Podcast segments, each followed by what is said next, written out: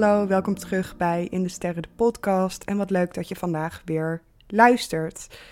Ik wilde vandaag een antwoord geven op een vraag die ik vaak gesteld krijg en een opmerking die ik best wel vaak krijg. Daar gaat het eigenlijk ook een beetje over. Ik krijg namelijk op dagelijkse basis best wel veel berichten met de strekking. Ik vind het heel erg interessant, astrologie. En ik ben allemaal aan het luisteren wat je erover te zeggen hebt. En ik ken je podcast en ik lees je post. Maar ik vind het allemaal nogal overweldigend. En ik weet niet zo goed waar te beginnen, want het is zoveel. En je kan er zoveel mee. Um, dus ik vind het vrij heftig. En in de vorm van de vraag hoor ik dan ook wel eens: waar begin ik eigenlijk? En je kan natuurlijk op heel veel verschillende manieren beginnen. En iedereen vindt zijn eigen ingang. De een begint met een boek, de ander komt op mijn Instagram-profiel of bij deze podcast, of uh, leest iets via een andere website. En sommige mensen vinden het heel fijn om gewoon te beginnen met alleen de sterrenbeelden bijvoorbeeld. En anderen die willen gelijk de diepte in en echt alles weten en uh, precies aspecten begrijpen en dat soort dingen. En na aanleiding van die vraag dacht ik eigenlijk van, goh, ik moet maar eens een aflevering opnemen over hoe je nou eigenlijk begint. En hoe je nou als beginner een beetje kan gaan starten met astrologisch duiden. Dus in deze aflevering wil ik eigenlijk mijn stappenplan met je delen om van geen astrologische kennis naar een stevig fundament te gaan. En om zelf aan de slag te gaan met je kennis op een overzichtelijke manier, waardoor dingen niet meer zo overweldigend of intimiderend zijn. En waardoor je niet het, ja, het idee krijgt of de hele tijd jezelf de vraag stelt: doe ik het wel goed en sla ik hier iets over? Dus dit stappenplan wat ik met je ga delen, dat is ook het stappenplan wat ik hanteer in mijn programma Align bijvoorbeeld. Daar zitten modules in over ieder onderdeel dat ik nu ga bespreken, tot in detail en alle elementen die je moet meenemen. Ik neem het ook weer mee in mijn uh, privé mentoring traject dat ik op dit moment uh, net een beetje ben gestart afgelopen maand. Daarin begeleid ik mensen intensief een half jaar lang om ja, zelf aan de slag te gaan met astrologie. Of dat nou als passie is of als werk. En neem ik eigenlijk mensen die al de stevige basiskennis hebben mee naar ja, een heel snel ontwikkelingsproces met intensieve één op één begeleiding, waardoor ze sneller aan de slag kunnen gaan. En dit is eigenlijk gewoon een standaard opbouw die je in veel opleidingen ziet terugkomen en die het simpeler maakt. Dus als je bent begonnen met astrologie leren of je zit al in dit proces, dan zou ik gewoon even deze stappen meeschrijven en kijken waar je ongeveer zit.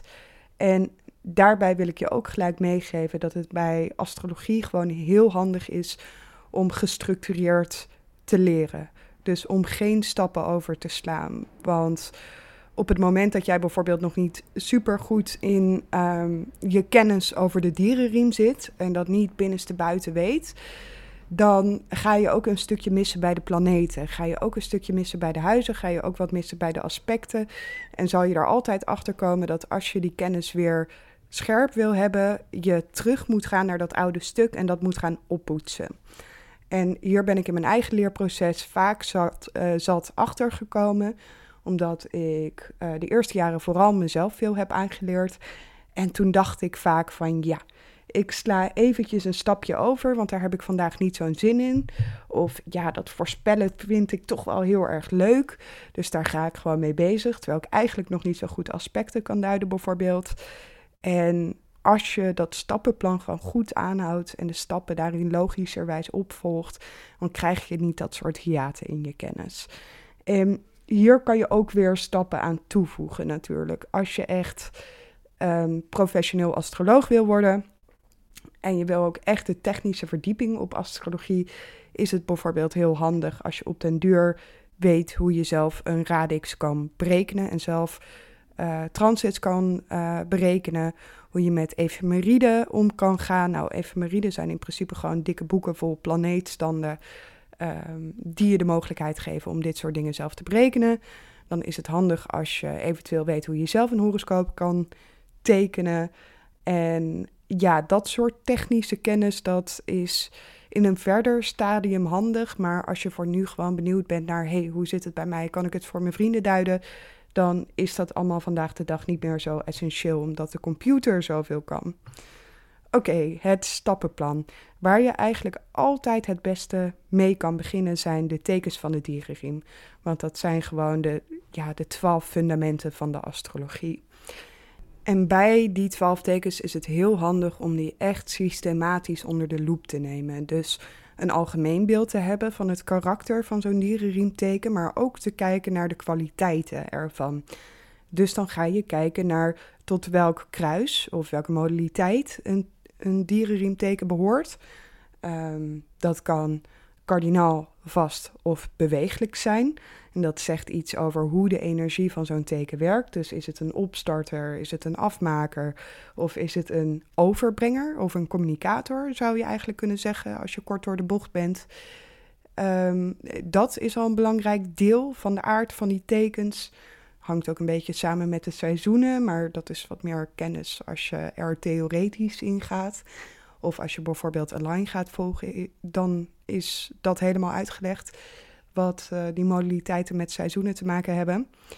En je gaat kijken naar de elementen. Dus hoort een teken tot het vuurelement, hoort het bij water, aarde, lucht. En wat zegt dat eigenlijk over die tekens? Dus terwijl je die tekens aan het leren bent, raak je ook bekend met modaliteiten die iets zeggen over hoe de energie werkt. Met elementen die iets zeggen over ja, de aard van de energie eigenlijk. Waar wil het naartoe? Wat wil het bereiken? En daarnaast krijg je ook te maken met polariteiten. Dus je hebt in de astrologie zogenaamde positieve en negatieve tekens, of vrouwelijke en mannelijke tekens, zo wordt het ook wel eens genoemd. En de aarde en de watertekens zijn negatief, zijn in essentie introvert.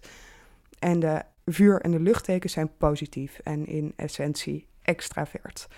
Eigenlijk wil je dit gewoon heel graag weten en tot in detail op orde hebben voordat je doorgaat naar de volgende stap.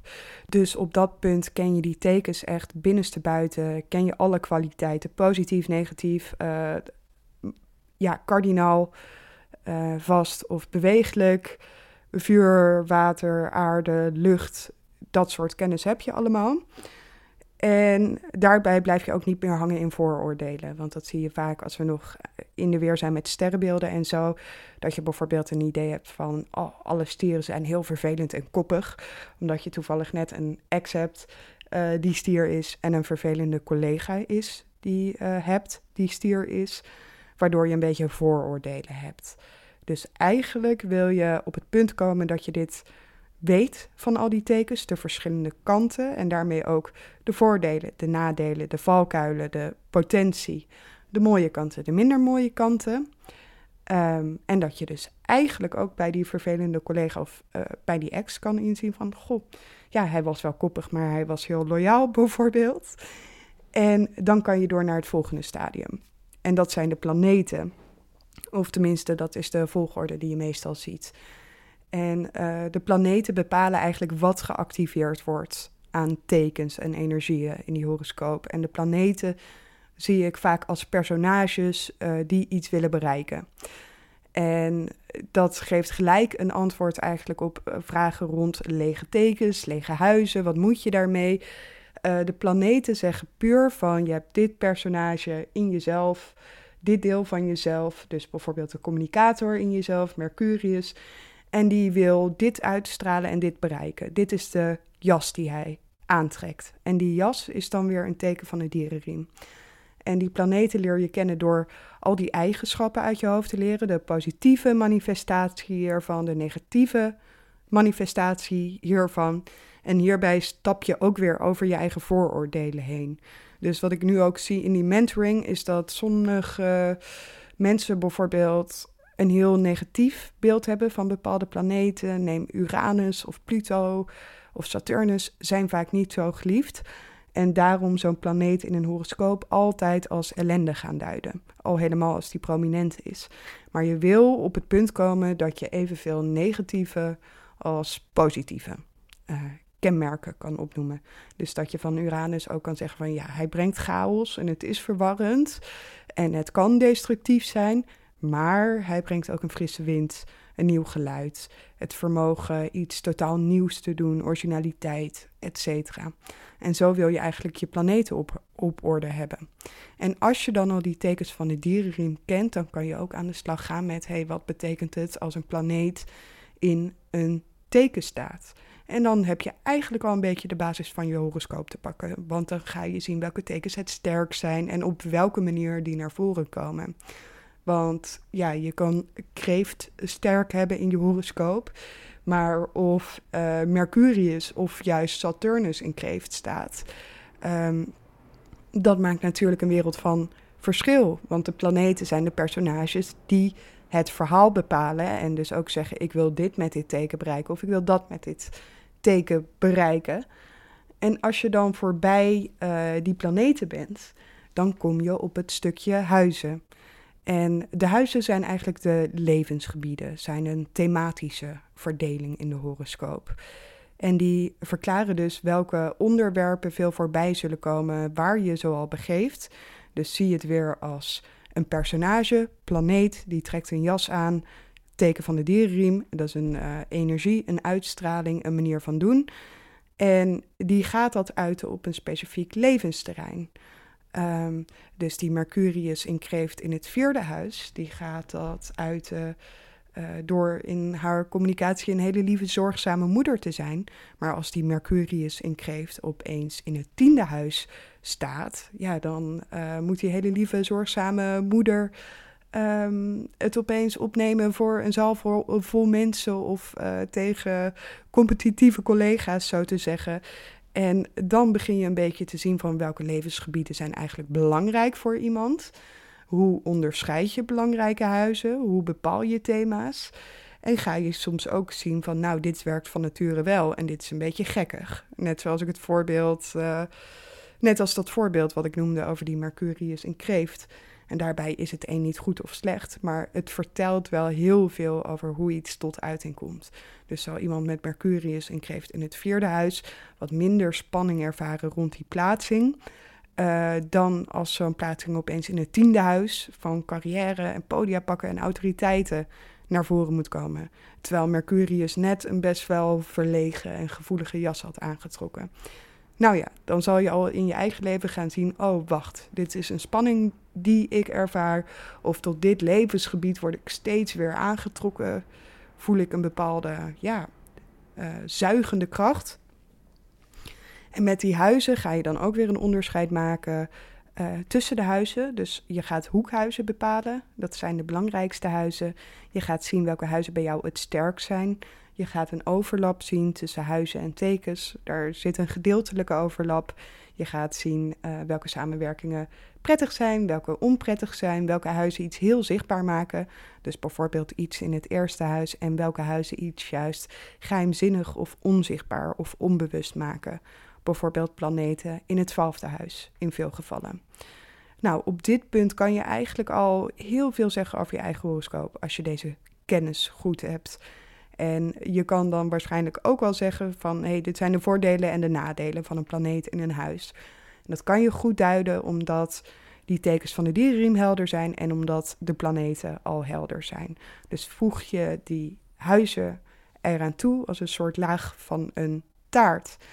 En dan in het volgende element komt alles eigenlijk samen, gaat het samenwerken. Dat zijn de aspecten.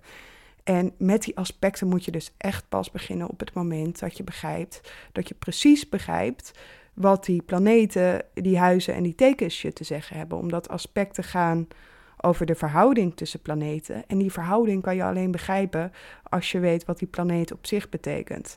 En je begrijpt alleen wat die planeet op zich uh, betekent als je de tekens en de huizen snapt. En dan wordt het opeens een stuk eenvoudiger.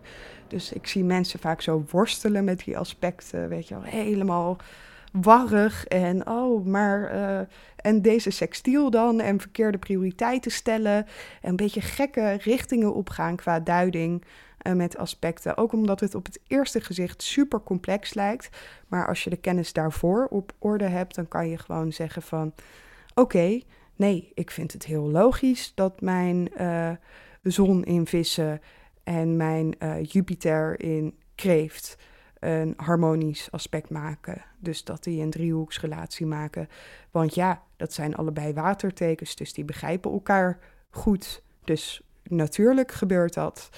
En dan hoef je eigenlijk vooral nog die samenwerkingen te bestuderen van hoe, wat gebeurt er als je planeten laat samenwerken of tegen elkaar in laat werken, de aard van het aspect. Dus je hebt eigenlijk een aantal uh, belangrijke aspecten, conjunctie, oppositie, vierkant, driehoek en sextiel. En je hebt uh, nog wat minder belangrijke aspecten of mineure aspecten, zoals een inconjunctie en een biquintiel of een quintiel. En, um, of een anderhalf vierkant, ook zo'n mooie term.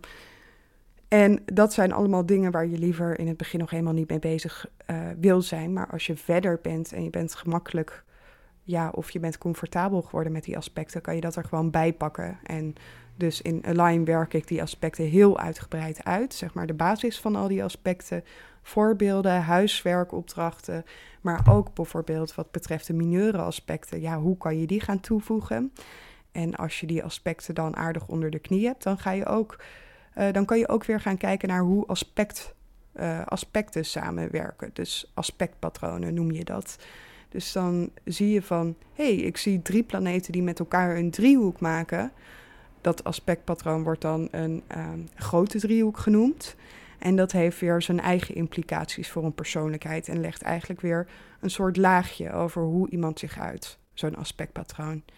Maar na dit hele verhaaltje kan je waarschijnlijk heel goed begrijpen dat als jij de tekens van de dierenriem nog niet 100% op orde hebt, of als je de huizen nog niet 100% op orde hebt, uh, dat dan duiken in al die aspecten en aspectpatronen, dat dat heel overweldigend gaat zijn. En dat het heel lastig gaat zijn om daar zomaar chocola van te maken. Terwijl het helemaal niet lang hoeft te duren om die eerste stappen te doorlopen. Dus uh, ik zie mensen wel eens als ze in een line stappen, dat ze echt gewoon hoekt raken. En dat ze in plaats van Netflix kijken, een line gaan volgen. En zo eigenlijk, dan hebben ze al een half jaar of een jaar, weet je wel, zelf wat aangerommeld met die astrologie. En altijd met die vraagtekens. En vergeet ik niet iets belangrijks. Oh, hier heb ik weer een fout gemaakt. En kunnen ze in Align dat gewoon heel snel opfrissen en weer helder hebben, omdat ze weten welke stappen ze moeten doorlopen. En uh, zo op een hele logische en prettige manier aan hun kennis kunnen bouwen. En dus heel snel ergens komen. Dus ik heb vaker de opmerking gehad van ik ben al twee of drie jaar op uh, mijn eigen manier bezig met astrologie. En nu doe ik een maand align en ik heb al meer geleerd. En dat is dus echt de waarde van die structuur. En ik ben van mezelf ook helemaal niet gestructureerd. Of ook niet super gedisciplineerd van het heel zorgvuldig stampen of zo. Um, ik hou ook meer van alles door elkaar heen gooien. Maar deze stappen wil je eigenlijk gewoon efficiënt doorlopen. En het hoeft helemaal niet zo lang te duren. En dan gaan al die concepten opeens klikken. Dan zie je geen gekke symbolen meer of gekke cijfertjes meer of berekeningen meer. Dan kan je kijken naar zo'n kaart en denken van ja, nou voor mij is dit geen Chinees, maar uh, hartstikke duidelijk. En ja, dat gun ik je natuurlijk als je gaat beginnen met astrologie of al een poosje bezig bent. Dus ik ben heel benieuwd naar of jij deze opbouw aanhoudt in je eigen leerproces. En of je zelf al hebt gemerkt dat je soms een beetje teruggefloten werd. En mocht je nou benieuwd zijn naar astrologie met mij gaan leren, uh, kijk sowieso eens naar mijn programma Align. Want dat is eigenlijk gewoon ondertussen een uitgebreide astrologieopleiding, maar helemaal online te volgen. Ook volledig op je eigen tempo. En ik sta er ondertussen echt wel onbekend dat ik astrologie heel praktisch en heel concreet en heel begrijpelijk maak zonder dat het iets aan diepgang verliest. Dus als je astrologie verwarrend vindt, kijk dan echt even naar Align, want dan maak ik het zo makkelijk als je het kan maken. En ook voor de mensen die zelf al een post bezig zijn of denken, ja, ik wil echt gaan werken als astroloog. Stuur me vooral even een DM'tje als je benieuwd bent naar mijn privétraject. Ik uh, begin daar echt alleen mee met mensen die al bijvoorbeeld een line hebben doorlopen of een andere opleiding hebben doorlopen. En ja, echt de slag te pakken willen krijgen. En heel zelfverzekerd willen worden in hun duiding. Um, ja, een eventueel examen willen afleggen bij vakverenigingen of ehm, ja, gewoon de, uh, de nodige know-how willen hebben over hoe je het aanpakt als astroloog en daarna ook een eigen praktijk opbouwt. Ik zie dat dit al helemaal geen korte aflevering meer is, dus ik ga hem afronden. Dank je wel voor het luisteren. En mocht je vragen voor me hebben, mijn DM staat altijd open en ik ben altijd benieuwd naar waar jullie graag een podcast over willen, willen luisteren. Dus stuur me vooral je vragen in. En ja, misschien ga ik er dan wel mee aan de slag. Ik wens je nog een hele mooie dag.